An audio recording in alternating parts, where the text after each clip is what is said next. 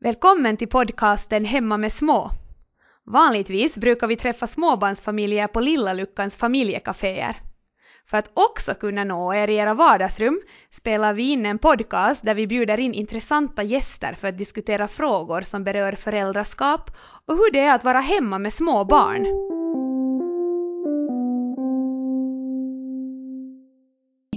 Jag heter Stella Lindfors och jag jobbar på Barnavårdsföreningen. Vanligtvis hittar du mig på Familjeluckan på torsdagar.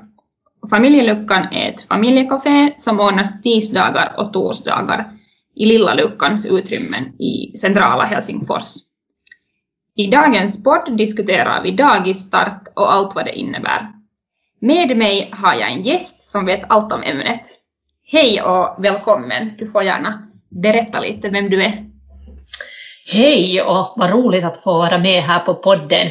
Jag heter Petra Oksanen och jag jobbar som daghemsföreståndare på, på Barnavårdsföreningen. Och jag är föreståndare för eh, tre av Barnavårdsföreningens sex daghem. Har du jobbat länge på, på Barnavårdsföreningen? Eh, det här är mitt fjärde år på Barnavårdsföreningen, men inom småbarnspedagogiken har jag jobbat länge sedan. Jag blev färdig, tror jag, 95, så en lång erfarenhet. Några år har det blivit. Ja.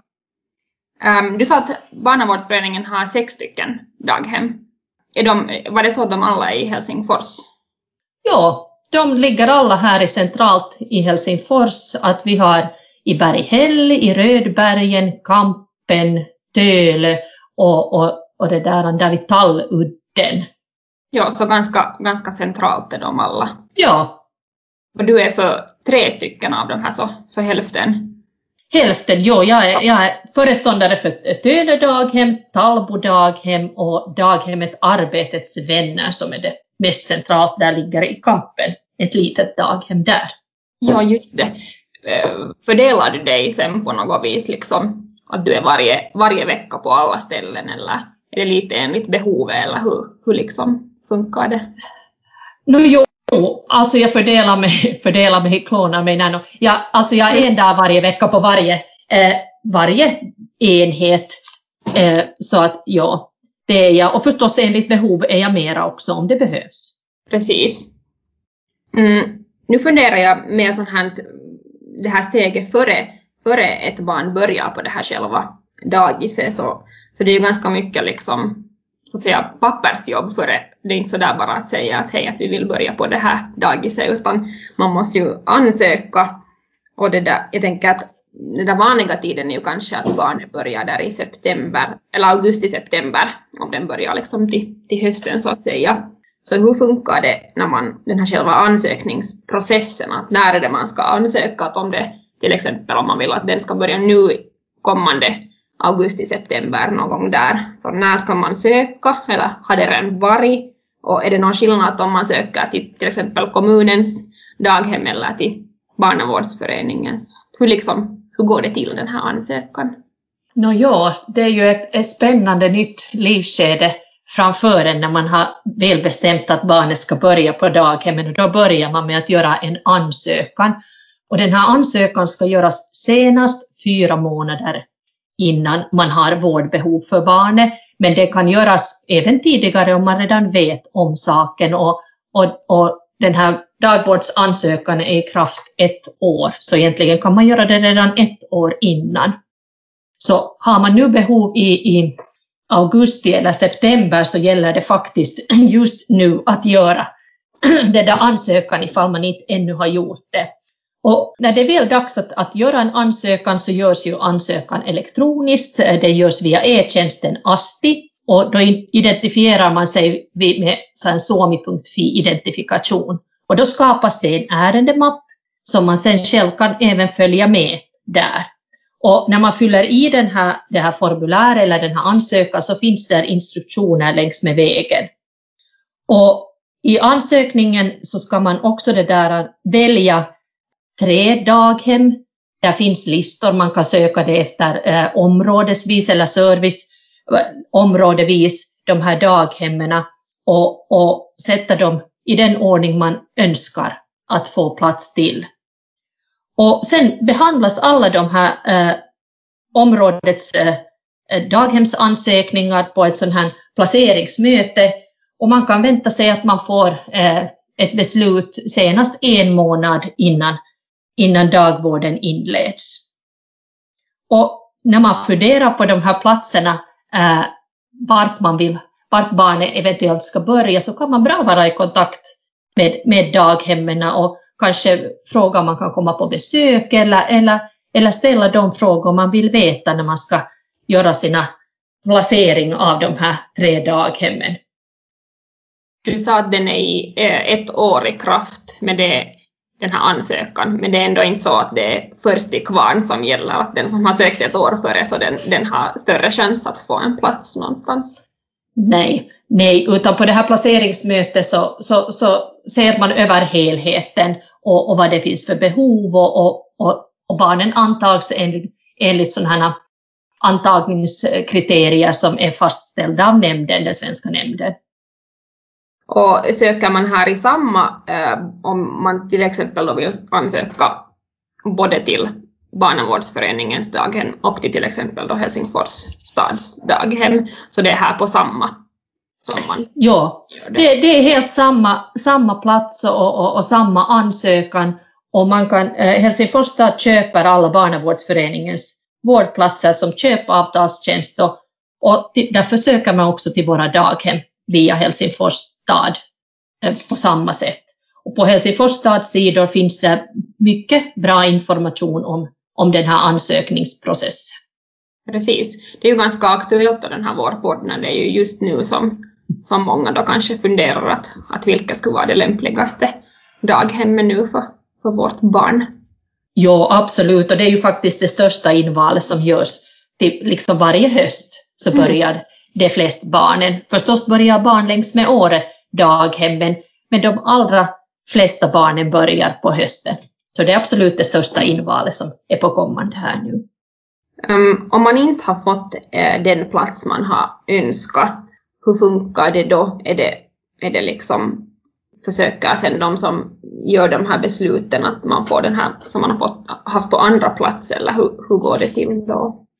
No, här, här avgör ju alltid helheten och, och förstås hoppas, hoppas alltid, vi alltid att familjerna får det de har önskat allra mest och därefter sen för andra eller tredje plats. Men, men har man inte fått det här första handsvalet så är nog föreståndaren i kontakt och diskuterar med familjen och ibland så får man som sagt inte nödvändigtvis plats där man ha, ha, skulle ha önskat och i och med att det finns helt enkelt mera ansökningar än platser till det daghemmet man söker till. När man har fått beslut om, om, om dagvårdsplatsen så, så kan det vara en besvikelse att man kanske inte har fått eh, den plats man hade som eh, förstahandsval. Om, om det blir på det viset så kan man alltid göra en omplaceringsansökan, en så kallad inre, ansökan om inre förflyttning till det daghem man hade som förstahandsval. Och den kan man göra efter att man har tagit emot den erbjudna platsen. Man, man gör alltså inte en ny ansökan utan det här är någonting man är i kontakt med daghemsföreståndaren som, som sätter igång den här processen. Sen kan det förstås ta en tid före man blir omplacerad eller får då platsen från det här andra daghemmet. Men i något skede så sker det nog sen då det blir platser ledigt på det daghemmet. Dagis är ju inte helt kostnadsfritt för föräldrarna. Um, det är ju inkomstbaserat bland annat, så hur bestäms de här avgifterna? Nå, ett beslut om, om dagvårdsavgiften så görs individuellt för varje familj och här på den här ASTI eh, där man har gjort ansökan så där finns också sen en ärendemapp för kundavgiftsbesluten. Och som du nämnde så, så, så bestäms avgiften och det finns lite olika, olika sådana kriterier och en är inkomstbaserad och man kan gå in på Helsingfors stad och se de här gränserna för inkomster och där påverkar också familjens storlek. Eh, en annan sak som påverkar de här avgifterna är också den här vårddagens längd. En hel, en hel dag räknas att det är över sju timmar, men man kan också välja 57 timmar och då betalar man 80 procent och sen om man har eh, halvdagsplats, fått ett beslut, ansökt om en halvdagsplats och även fått ett beslut för det så betalar man 60 procent av den där heldagsavgiften. Och jag kan ju berätta så mycket att avgiften för heldagsvård är högst 288 euro för tillfället för det yngsta barnet i familjen. Finns det flera barn inom, inom småbarnspedagogiken så är det för det näst yngsta barnet 140, högst 144 euro och finns det ännu flera så är det 20 procent av det yngsta barnets avgift. Men det här som sagt görs individuellt det här beslutet för varje familj. Precis. Um, ni använder er av en modell som heter tidigt familjestöd och det är något som grundar sig på, på anknytningsteorin. Mm, berätta mer om den här modellen tidigt familjestöd och hur det, hur det syns i er vardag. Ja, det är någonting vi är väldigt stolta över och det är någonting som vi faktiskt använder då på alla barnavårdsföreningens daghem just vid dagisstarten. Och det är ett familjecentrerat arbetssätt och där det främsta målet är att barnet och föräldrarna ska känna sig så trygga som möjligt vid dagisstarten. Och syftet är förstås att skapa en tillitsfull relation med alla parter. Och som du själv nämnde här så anknytningsteorin ligger som grund för modellen. Och den här modellen bygger på att till exempel att varje barn har en egen vårdare, eh, att vi gör ett hembesök och mjuklandningsperioden. Och i alla de här delarna är det barnet och dess behov som är i fokus. Och jag kan ju lite berätta här om det här med egenvårdare. Eh, så eh, varje barn som börjar daghemmet så utnämns då en egenvårdare från den gruppen där barnet ska börja. Och tanken är då att tillsammans eh, anknyta sig till en vuxen först och tillsammans sen tryggt utvidga reviret så småningom och lära känna då alla nya barnen, alla nya eh, vuxna, eh, utrymmena och så vidare. Och det blir sen ett trygg start att tillsammans med den här egenvårdaren göra det.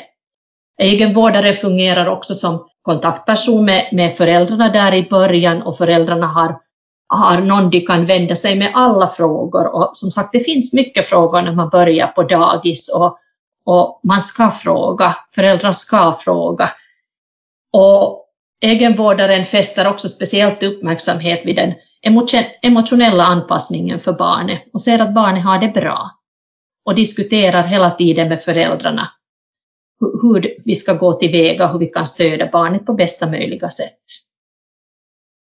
Det är ju jättebra att det finns en sån här egenvårdare för barnet och, och, och minst lika viktigt tänker jag också för föräldrarna att det är säkert jättemycket frågor som föräldrarna går och, och grubblar över, speciellt om det är första barnet, så då är det ju mm. Skönt att det finns den här så att säga egna vuxna som man kan kontakta. Visst kan man ju fråga vem som helst eller till exempel föreståndare, men det kan ju kännas helt tryggt att det finns den här ena utnämnda personen som är liksom deras, ja. så att säga. Ja, och speciellt i början är det nog jättevärdefullt och klart att de andra också sen så småningom blir bekanta. Men speciellt i början och jag tror nog egenvårdaren har sen sin, sin plats där i, i, i framtida möten också sen och när barnet växer så brukar den ha en speciell plats hos barnet och föräldrarna.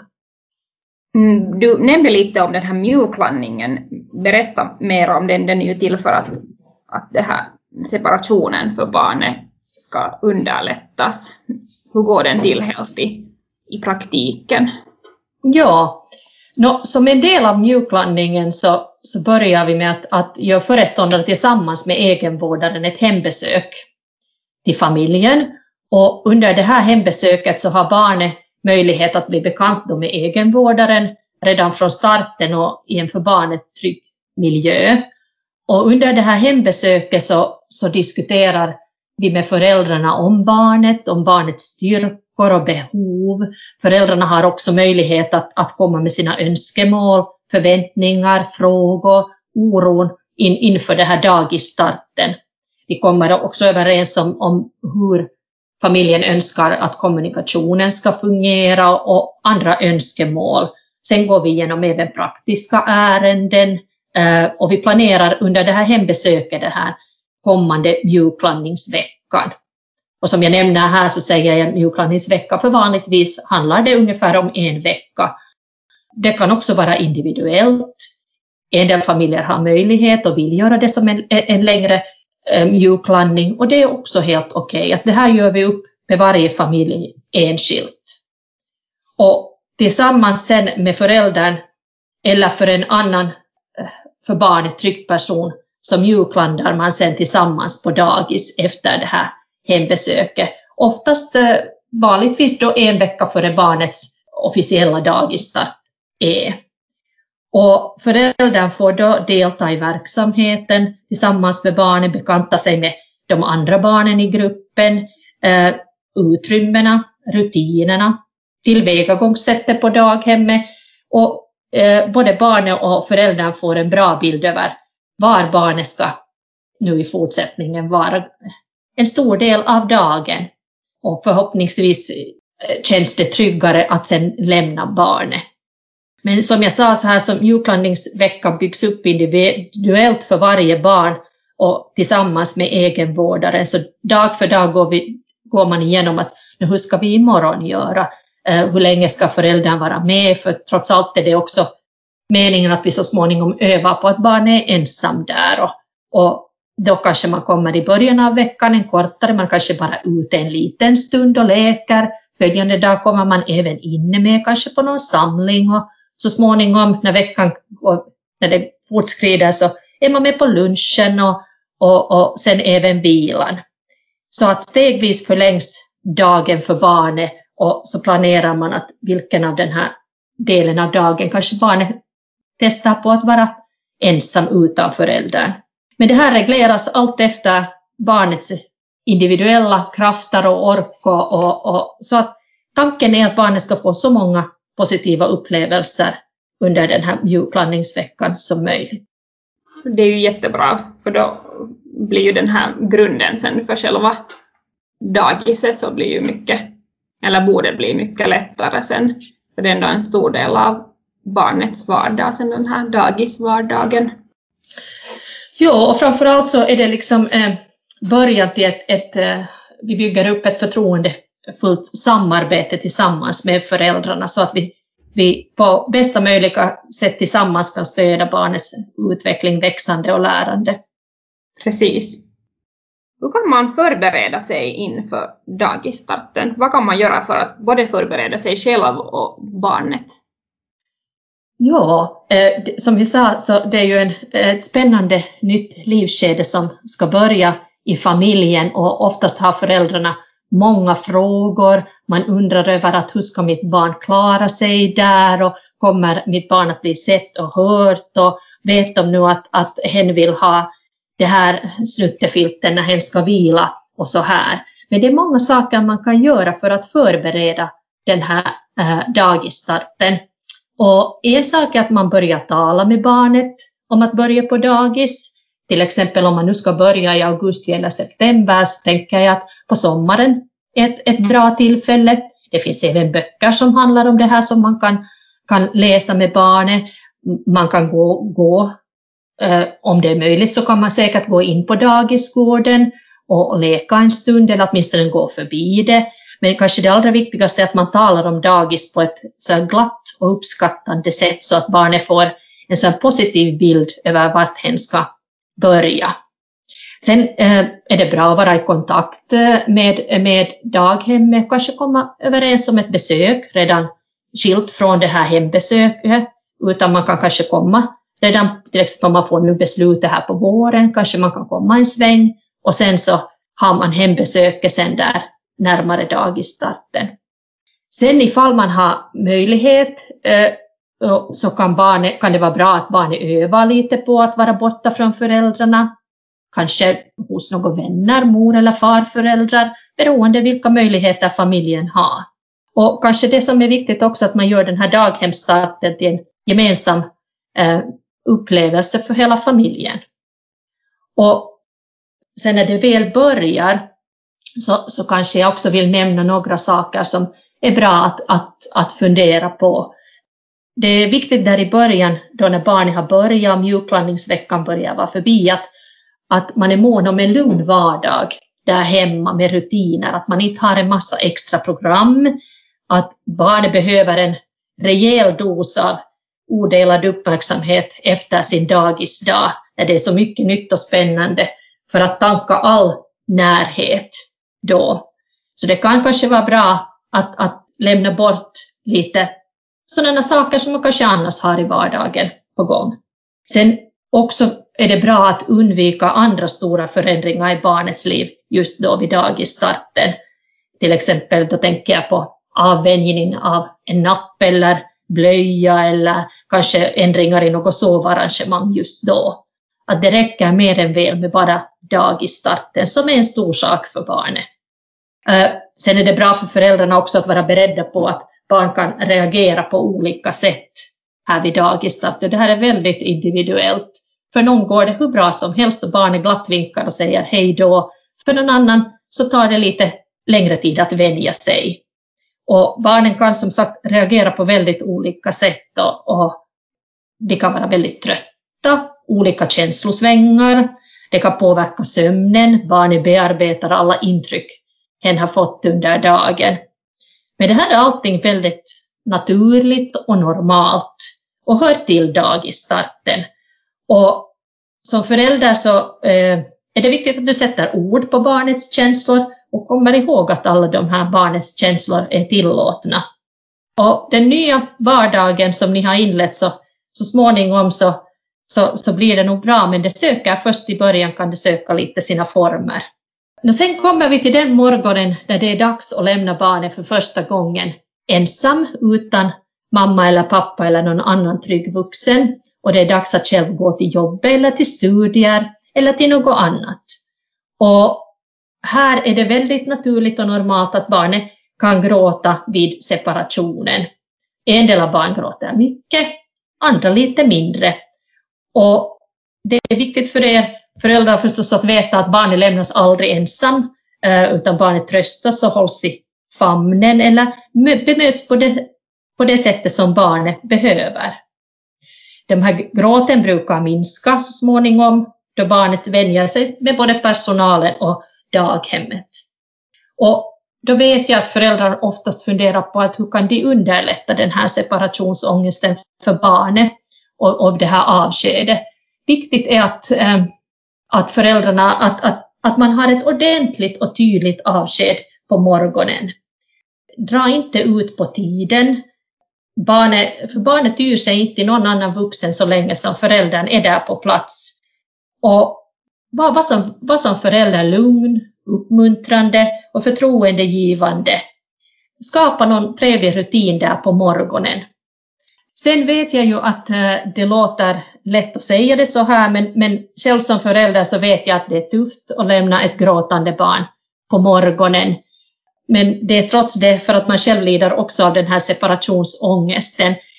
Men försök som förälder hålla dig lugn och positiv och, och sen, sen så försöker vi på daghemmet även stödja dig som förälder och vi, vi skickar gärna ett meddelande ett, ett fotografi av barnet om, om en stund lite senare så att, så att eh, föräldrarna också kan lugnt vara på jobb och inte hela tiden fundera på att hur, hur har mitt barn där på daghemmet. Och det är viktigt att, att som förälder också med låg tröskel ta kontakt och, och diskutera de här känslorna och, och, komma fram med sina önskemål. Och det är också helt okej okay att ringa mitt på dagen, mitt i något möte eller, eller i några viktiga egna arbetsgrejer kommer man, kan man inte koncentrera sig så får man nog gärna ringa och fråga hur det går för mitt, mitt barn och höra hur den här dagen har varit. Det får man mer än gärna göra. Jätteviktig point. Och där kan det vara bra att komma ihåg att, att de här dagispersonalen, så de är ju, de är ju där för, för dig och ditt barn, så det är nog att med låg tröskel ta kontakt om det är någonting man undrar. Um, är det något helt konkret som är bra att tänka på inför dagisstarten. Man måste kanske ha med sig något, vissa saker eller någonting som, som så att säga bor på dagiset. Vad är det Ja, äh, äh, vi är ju ute varje dag, så kläder enligt väder. Man behöver ta med sig regnkläder, jacka, äh, regnbyxor, stövlar, galonhandskar. De får gärna bo på, på daghemmet.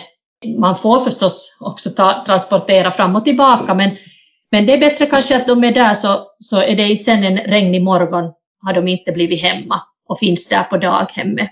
Det är också vet, bra att veta att äh, det ska finnas separata ytterkläder och, och, och sen då andra kläder när vi är inne. Reservkläder för barnet som man också kan lämna på daghemmet. Eh, det kan hända att man spiller mjölk på sig eller det händer något annat så att vi behöver byta kläderna på dagen, det blir våta strumpor eller det har varit blött ute, vi behöver kanske ett extra par vantar. Eh, uh, innetossor behövs. Uh, sen ifall barnet har en napp eller använder en napp så, så ska man hämta den med sig, helst kanske två stycken också så att ifall ena råkar uh, tappas bort och, och, och är jätteviktig till exempel vid vilan. Eh, sen om bar, barnet får gärna ta med sig någonting som hen är fäst vid, eh, som tröstar henne, kanske en ett mjukisdjur, en snuttefilt. Sen eh, ifall barnet använder blöjor, så, så blöjor. Och på daghemmen föredrar vi helst tejpblöjor. Men det, det går bra att diskutera även andra alternativ med personalen. Det som förstås är viktigt med allt det här som man hämtar och kommer med till daghemmet är att förse allting med barnets namn. Så att ifall någonting råkar eh, hamna lite på villovägar så, så finns det en chans att det även hittar hem tillbaka. Det som också är fint och, och det där är viktigt att hämta kanske ett fotografi på, på, på föräldrarna eller, eller den närmaste familjen eller viktigaste personer för barnen som, som barnet kan titta på där vid dagisstarten. På en del av dag, våra daghem har man laminerat ihop dem och gjort dem till ett litet blädderblock. På andra daghem så har det gjorts collage på väggen av familjerna på barnens höjd så barnen kan titta på. Och, och sen längre fram så brukar de här bilderna och fotografierna, eh, det där bli jättetrevliga samtalsdiskussioner, barnen sinsemellan och, och de vill oftast berätta mycket och via de där bilderna sen till oss också, till exempel vad som har hänt på veckoslutet eller på någon semester eller så. Så det är nästan som en checklista att skriva inför dagisstarten. Ja, och sen är det bara att fråga också här dagispersonalen att om det är någonting som, som behövs eller, eller om man funderar någonting kring klädseln. Och vi lever trots allt i Finland med alla olika årstider och väder. Så då är det kläder enligt väder som gäller, så ganska mycket olika kläder också på dagis. ja. No, helt sådär konkret till, till en, en daghemsdag, hur kan en sån här helt vanlig dag på dagis se ut? Ja, en vanlig dagisdag.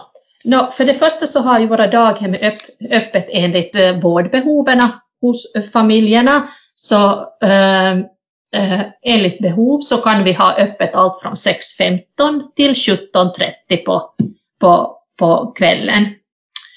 Och då när barnen kommer på morgonen så tas de emot med öppen famn. Det finns alltid en famn man kan gå till och, och så småningom blir de flera och, och har lite olik verksamhet på gång där och sen blir det frukost där vid åtta serveras frukost. En del barn kommer till frukost och en del kommer först efter frukosten till daghemmet.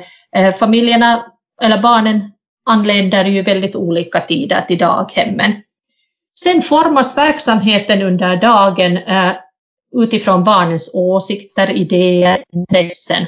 Och förstås så, så har vi inom småbarnspedagogiken styrdokument som även styr vår verksamhet.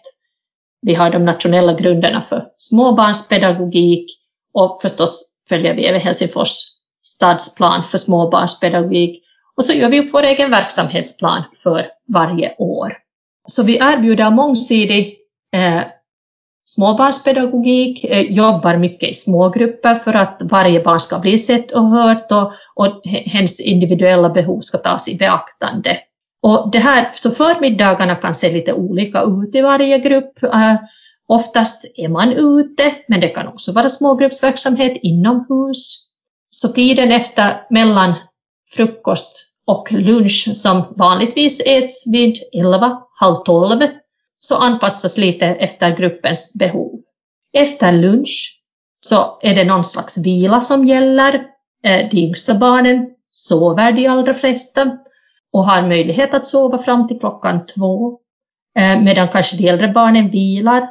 Alla lugnar ner sig åtminstone en stund. Och sen efter det så blir det mellanmål, tvåtiden, och sen så efter det så småningom eh, kan det vara sagostunder, smågruppsstunder eh, av olika slag och, och de kanske jobbar kring något projekt, någon grupp eller, eller vad det än må vara. Och sen, sen går man ut och sen eh, så småningom kommer ni föräldrar efter era barn och det är ju det värdefullaste och viktigaste ögonblicket och möte under dagen sen när ni kommer.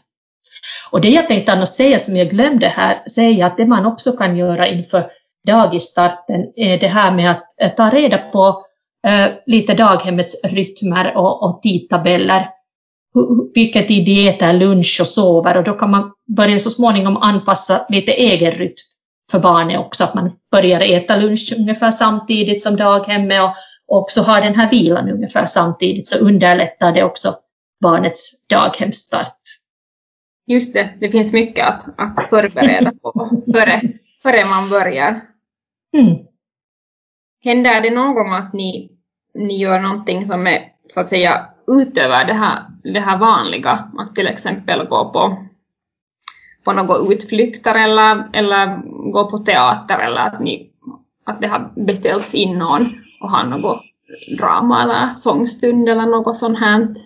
Ja, absolut. Det där. Coronan har förstås nu lite gjort det besvärligt eller nästan omöjligt för oss, men, men våra daghem är ju belägna centralt i Helsingfors så vi utnyttjar nog hela, hela Helsingfors med dess utbud som vår lärmiljö.